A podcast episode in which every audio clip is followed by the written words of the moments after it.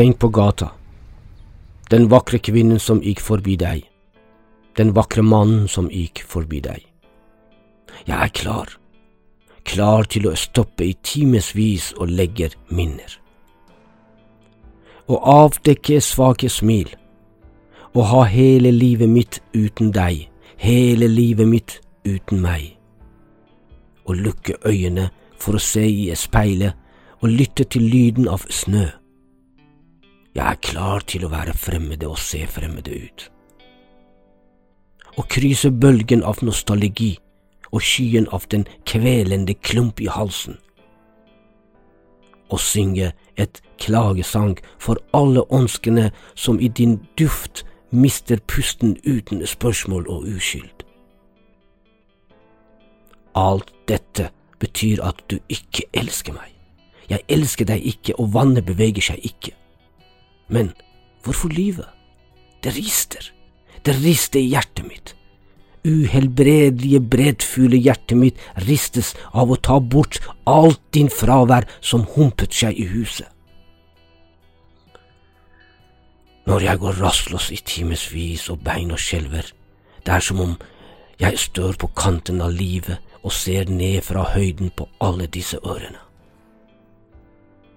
Jeg holder på hånden og trøster meg med litt tålmodighet, litt håp, kanskje et mirakel. Dette har alltid vært din lov. Du må gi slipp, slik at du kanskje kan samle hjertestykkene dine fra hjørnene av minnene dine og bringe meg til å binde deg. Kanskje, kanskje vil du holde deg borte og se langveis fra og huske at du skyldte meg en levetid på drømmer. Tenk på gata. Den vakre kvinnen som gikk forbi deg. Den vakre mannen som gikk forbi deg. Jeg er klar. Klar til å stoppe i timevis og legge minner.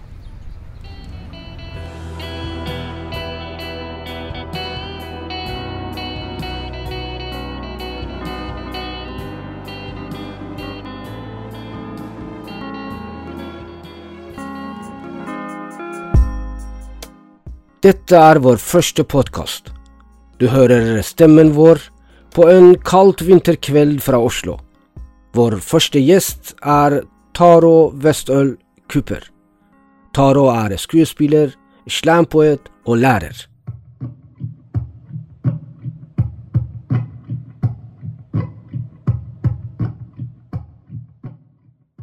Velkommen, Taro, og vær så god.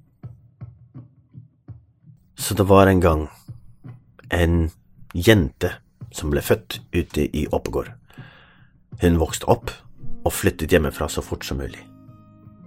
Hun begynte på forsøksgym i Oslo, og gikk der i noen år. Og så flyttet hun til Bergen, og begynte å jobbe med jazzforum. Derfor ble hun kjent med, ja, alt som krøyp og gå av jazzmusikere i Norge, men også musikere fra utlandet. Og hun møtte en eldre herremann fra USA som fortalte henne om hvordan miljøet var i New York. Og hun ble besatt av å måtte dra og oppleve dette miljøet i New York. Så, i en alder av 21, så flyttet hun til New York. Hun studerte et år og måtte egentlig hjem, men hun ville ikke hjem. Så hun eh, fikk giftet seg med en venn av en venn av en venn. Et performa ekteskap. Altså ikke et ordentlig ekteskap, men et ekteskap for å få oppholdstillatelse. Og dermed bodde hun der videre. Hun jobbet, drev med grafisk design og kunst. Og når hun ble 27, så fødte hun en sønn. Hun hadde en venninne fra skolen, en japansk venninne. Hun ble også gravid, så de bestemte seg for at de skulle bytte navn på barna sine. En skulle få et japansk navn, og en skulle få et norsk navn. Og dermed ble altså Taro født. Og den Taroen er deg, som sitter her? Ja, Ja. det stemmer. Ja. Ok, hvordan gikk med den Taro? I, jo, jeg tror det gikk bra. Det var eh, fire første årene i New York. Eh, Bo der. Gikk på barnehage i Harlem. Og det er liksom morsomme ting å tenke på etterpå. For jeg, mamma er veldig hvit, og jeg er veldig hvit jeg også. Mm. Og pappa er ikke hvit. Men jeg gikk i en stort sett svart barnehage. Mm. Og jeg visste ikke det før jeg kom til Norge, Mm. at, at det hadde noe å si. Eller det hadde jo ikke noe å si, men det var, jeg husker at det var ikke noe Det var ingen som sa det til meg før jeg kom til Norge. Da var det viktig med farger og hvor folk er fra, og hvem er de, og hvor du er. Og jeg fikk jo trygt på meg at jeg var norsk, selv om jeg ikke var født her og ikke snakket norsk. Men mamma er norsk, så du er norsk. Mm. Mm. Og jeg fikk f.eks. ikke norsk som annetspråk på skolen. Jeg tenkte jeg ville prøve det, men de sa nei, nei, du kan norsk for bra. Men de slapp nynorsk, nemlig. Og det var eh, Ja, den dag i dag eh, så er det vanskelig. Hvordan kom du inn i teater og kunstverden? Ok, um, vel uh, Egentlig så vil jeg si jeg var med på et teaterstykke, eller vi måtte dra og se teater når vi gikk på barneskolen. Uh, og i sjette klasse så dro vi også et dukkehjem på Nationaltheatret. Og det var grusomt. Det var skikkelig grusomt. Jeg husker jeg, hata teater etter det. Det var to og en halv time med 1800-tallsstil, og jeg skjønte ikke bæret. Jeg skjønner at det er kvinnefrigjøring, men jeg er jo barn av alenemor. Hun er jo frigjort, og, og, hva mener du? Det, her- jeg relaterer ikke. Men jeg døde, og jeg ville ikke drive med teater. Film var veldig interessant, men teater, nei, nei, nei. nei. Eh, og sånn var det. Eh, Jeg dro ikke og så på mange teater. Reisen til julestjernen og sånn, men Men eh, det var rett og slett eh, en venn og jeg som, som var ute og jobbet eh, Dette var da begynnelsen av Jeg var vel 20.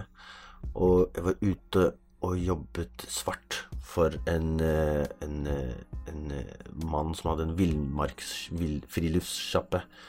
Og vi drev og solgte utstyr eh, ute i parken, så vi hadde liksom kommet klokka seks om morgenen, satt opp eh, lavvo og fiskestenger og alt mulig rart, eh, og så skulle vi selge det. Og da hadde vi stått der en hel dag og solgt dette her, selv om ikke vi kunne noen ting om fiskeutstyr eller noen ting. Men vi lærte fort, fordi hvis ikke du kan noen ting, så får du ikke solgt noen ting. Så man måtte eh, late som man vet.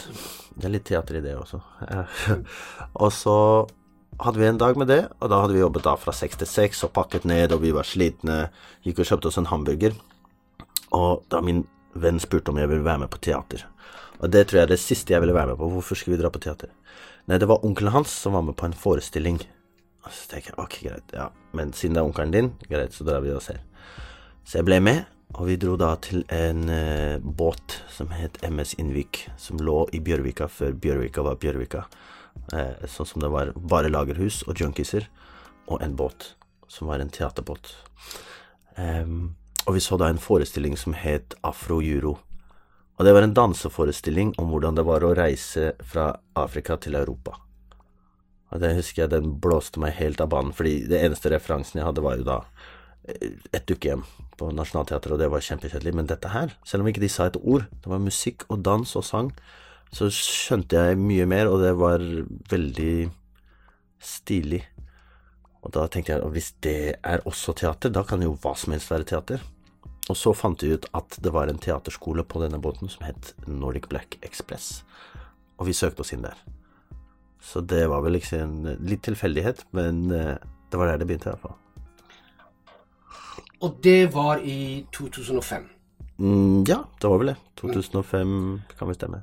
Du gikk to år To år, ja. på denne skolen. Mm. Og så, så, så var du jo skuespiller. Mm, ja, jo, jeg mener ikke? Ja. Frilans, kunstner, hva som helst. Ja. Skuespiller. Hva, hva gjorde du etter, etter skole? Ja, det- Etter skolen så fikk jeg fikk tilbud om en jobb med en gang. Det var eh, Første oppsetning eh, som jeg var med på, var eh, Romeo og Julie i rapp. Og den var en skikkelig kul suksess. Altså, det var jo De tok av. Var, vi spilte for fulle hus i, i tre år. Eh, men det var skrevet av eh, eh, Emir og lillebror. De var jo forente minoriteter, eller noen av forente minoriteter. Og laget av eh, Cliff Mustache og Oda Rador mm, på Innvik. Og det var noe av det kuleste jeg var med på. Men det var kjempegøy. Så all teksten var jo i rapp. Og dette var jo før på en måte hiphopteater var hiphopteater, Så det var liksom noe av det første. Um, så det var første, da, eh, ut. Og så var eh, Neste jobb var Teater Nord oppe i Lofoten, i mm. Stamsund. Og den var noe helt annet. Det var veldig spesielt. De folka er kule, altså. Men det er eh, De driver med kunst på et helt annet nivå. Eller skal jeg si sånn mm. Holdt på med sånn Eller hva, hva skal jeg si? Det er vel sånn der frigruppe som har holdt på i 20 år. Og de var mange folk før, og så så er det Med tiden så er det jo flere og flere som har hoppet av, og da var de da De var vel 20, og så var de bare nå tre stykker når vi kom opp dit. Så det var også en super opplevelse. Og det er også ikke minst å bo i, i, i Lofoten, da. Det har jo mye med sinnsstemning å gjøre. Absolutt. Eh, etter hvert ble du eh, slampoet. Ja. eh, hvordan kom du inn i poesi og uh... Ja, nei, det var vel liksom, Det var jo rappen, på en måte. Jeg tror siden jeg begynte å høre på, på hiphop-rap i tenårene, så var jo alltid det latent, eller det lå liksom der, og, og det hendte jeg og gutta Altså, vi, vi drev med uh, nachspiel-rapping. Så sånn, vi var på byen, festa, og så uh, dro vi hjem. Og på det, den tida der så hadde vi en, en kontakt. Vi, vi, vet ikke hva han het, men vi kalte han bare Sushi. Han kom kjørende når som helst. Du ringte nummeret hans, så kom han med enten en hel flaske vodka eller uh, whisky. 400 kroner. Møter deg hvor som helst, du kjøper den, og så er det nachspiel. Og så tok vi med flaske, og så spilte vi beats og freestyla hele kvelden. Til vi var ja, ødelagt. Men, eh, men det var iallfall der på en måte mye av det var, da. Fordi, fordi vi holdt på med det. Så jeg hadde jo på en måte lyst til å gjøre uppe den at det skulle være ikke bare sånn freestyle. For freestyle er Det er jo en kunst i seg selv. Jeg har møtt noen freestylere i Norge, også, de beste, kan vi si. De, og de jobber med og freestyle, de, de har sånn freestyle-tirsdag hvor de møtes hver tirsdag og, og freestyler. Men de er grove. Og det er sånn Freestyle betyr jo egentlig helt improvisert der og da. Men så har på en måte freestyle-sjangeren fått en, en, en annen ja, farge etter hvert. Da. Det nå, nå som f.eks. man battler hverandre, så bruker man to-tre måneder på å skrive tekster til, mot hverandre, og, og så freestyler det for hverandre. Men iallfall, de ordentlige freestylerne, de uh, gjør det improvisert og her og nå. Så jeg var ikke så god på det. Jeg liksom Jeg trengte å skrive tekst for å få det til. Eller liksom Jeg kan freestyle litt, men det ble jo ikke så bra som at Ok. Så jeg fant noen beats og ting og tang, og så begynte jeg å skrive tekster og leke med det, da. Og, og dette var parallelt mens jeg gikk på teaterskolen. Så, og på teaterskolen så lærer vi jo på en måte Altså, da lærer vi jo det å være på scenen. Det å stå og gå, puste, tilstedeværelse, stemme, alt det der. Så de to sammen på en måte utgjør da slam. Fordi da har du jo da ja, nachspiel-rapping pluss teaterteknikk. ble slam. Mm. Uh, men det fantes jo ikke på den tida. Altså sånn, ikke som jeg visste om. Det var, det, det var en kollega av meg som heter Sara Ramin Osmundsen, som også er norgesmester i slam. Hun var ikke det på det tidspunktet, men hun tipsa meg om at det fantes en, et norgesmesterskap. Og så meldte jeg meg på, og så vant jeg. Det var i 2010. Og da Ja. Men da var det jo ja? Det var ikke noe miljø for det i Norge eh, ennå. Men, eh, men, jeg ble invitert til Sverige som jeg trodde var bare en, en, en poesikveld eller noe, men som viste seg å være det skandinaviske mesterskapet, hvor eh, Sverige, Danmark og Finland, og da Norge, møttes til en slam og konkurrerte om hvem som skulle bli skandinavisk mester. Og da vant jeg den også, og det var i 2011. Men jeg visste jo ikke at det fantes et VM, og alle de skulle jo til verdensmesterskapet i Paris samme år. Og vi i Norge hadde jo ikke fått med oss at det fantes et verdensmesterskap. Så det året var det jo å sette sammen de kontaktene, men jeg kom jo ikke til verdensmesterskap for det, da. Så jeg måtte vinne en gang til senere for å komme til VM. For jeg måtte til Paris og se og møte folk, og hva er dette for noe? Men det viser seg at slam er jo et verdensomspennende miljø. Og det starta jo tilbake i 1984, også sånn og sånn og sånn, på en jazzklubb. Men eh, ja, det gikk noen år, altså, men dette her med å bygge opp et miljø i Norge ble en, en uh, viktig del av å holde på med det. For det er ikke noe gøy hvis du er den eneste. Så, så jeg og Ja, altså hovedsakelig meg, men jeg og Sara og Fredrik Høyer um, stifta uh, Slam-kollektivet. Som ble på en måte paraplyorganisasjonen for alle oss slammere. Og det var egentlig mest fordi vi trengte organisasjonsnummer og sånn for å søke penger til festivaler og ditt og datt.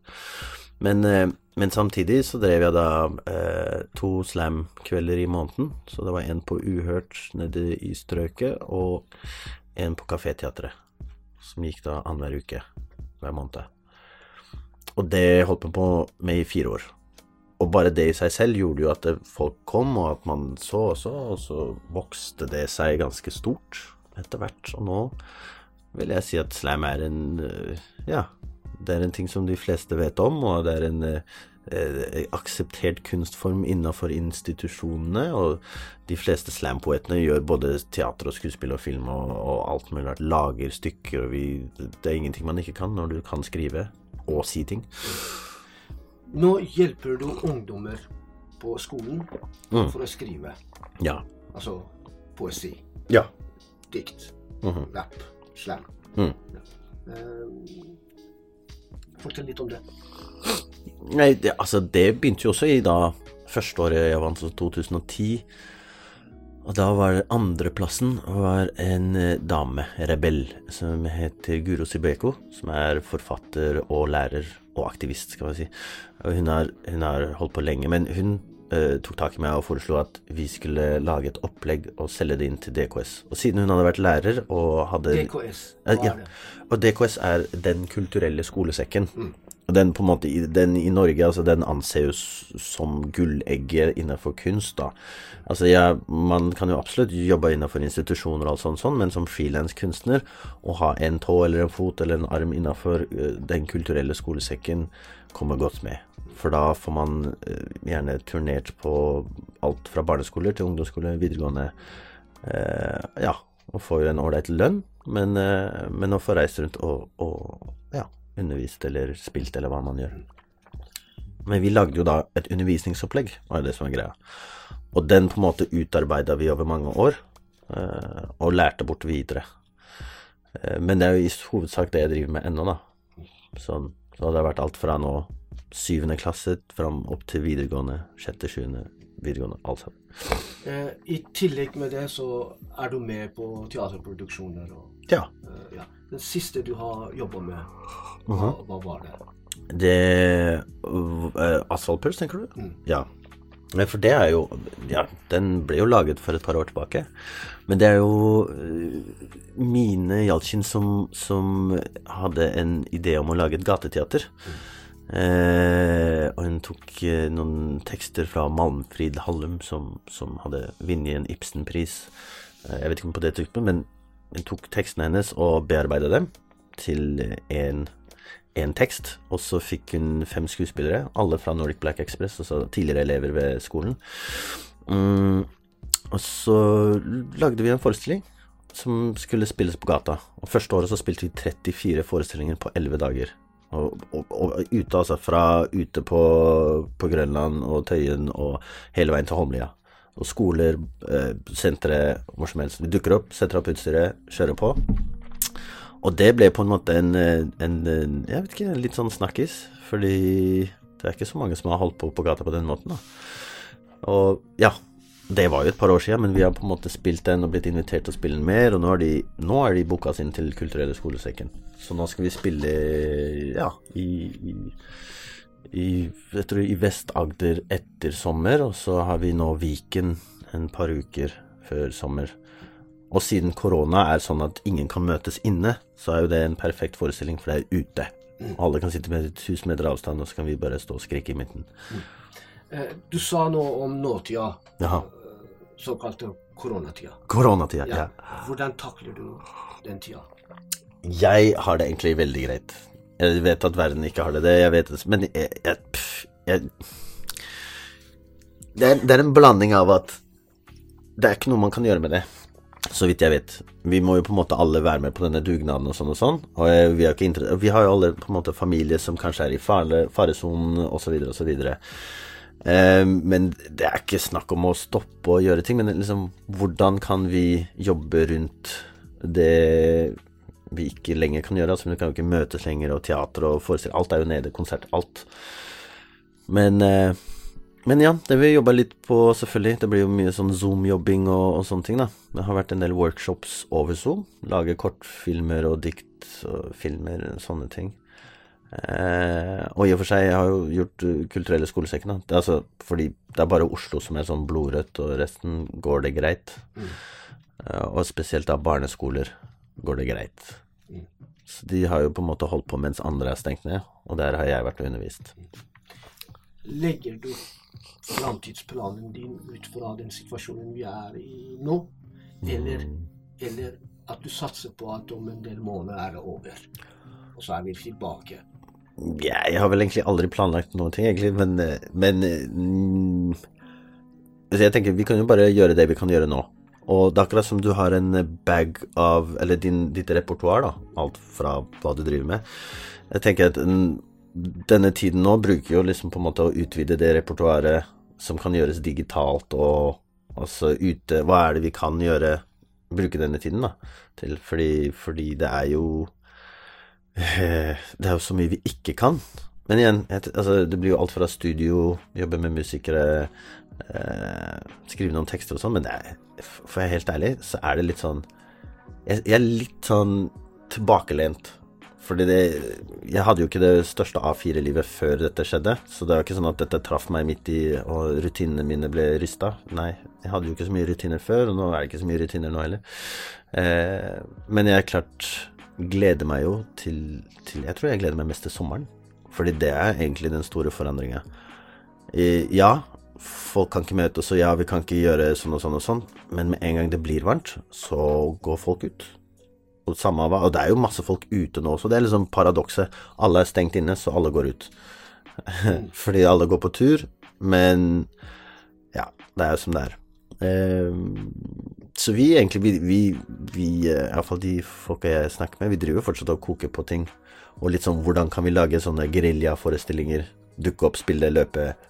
ikke sant? Ikke spille for for mange, eller eh, Ikke sant? Gjøre det på superåpne steder. Ha konserter i parker. Ingen Altså, jeg vet ikke. Eh, så, så, jeg tror det viktigste er liksom ikke å miste dette, denne, denne flammen eller håpet eller gleden ved å gjøre ting, da. Men også være veldig sånn ta det med ro. Dette, noe, dette går ikke over med det første. Det er virkelig å smøre seg med tålmodighet. Hvis du vil lære deg å spille gitar, nå er tida. Lær deg det. Se ferdig alle Harry Potter-filmene, les bøkene. Eh, ta den turen opp på fjelltoppen hvis du vil, liksom. Men, men eh, det går framover, altså. Og vi skal ut av dette her. Og det er, eh, det er bare en det er, ikke en det er ikke en evig situasjon.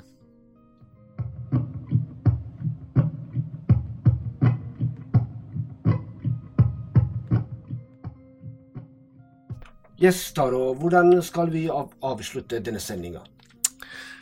Eh, lukket munn. Han er stum. Men hans øyne, de spytter. De snakker volum.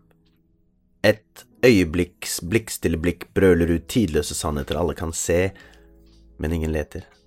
Han blir kalt for mange navn, men ingen vet hva han heter. Jaget av ord, uttrykk og intensjoner, plaget, forfulgt, en av hundre tusen millioner, udømt, men soner, jaget av jaget etter kroner. Et fortrengt, bortgjemt liv kan skimtes som blinkende lykter i et bekmørkt, sort-lilla hav av menneskehetens dypeste frykter. Så fjernt, men så jævla nykter.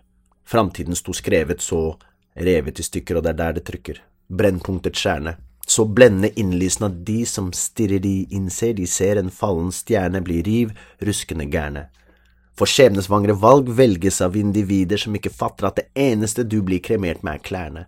Sikker på at konto, status, aksjo, all den driten vil være med, men trengselen er stor, trengselen er stor, Slapp av, bror.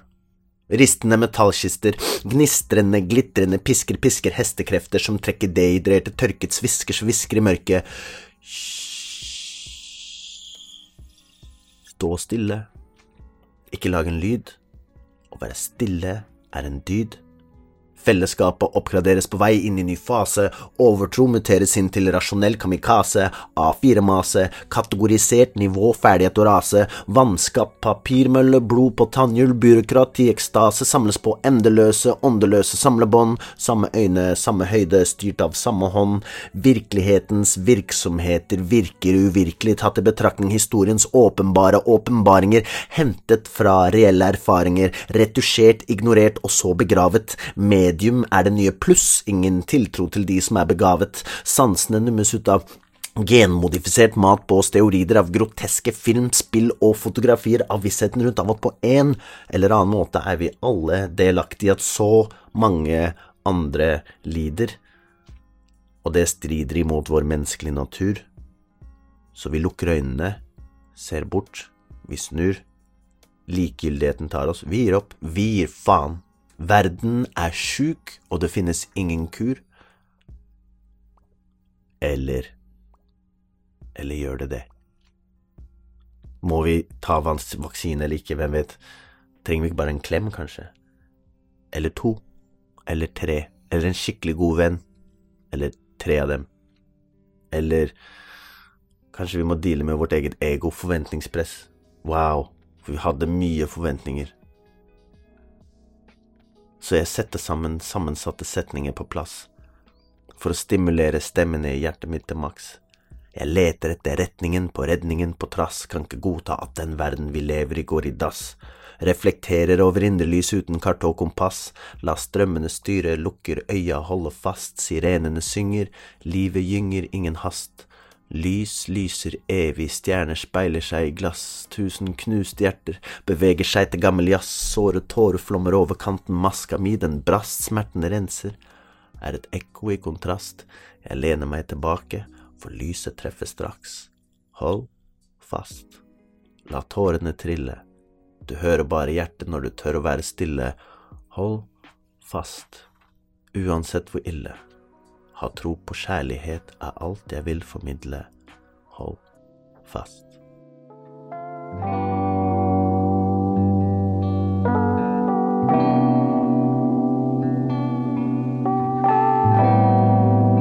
Mitt navn er Ali. Forfatteren og regissøren av dette programmet er Nama Jafari, og programmet produseres av Nordic Black Theater. Lytt til oss.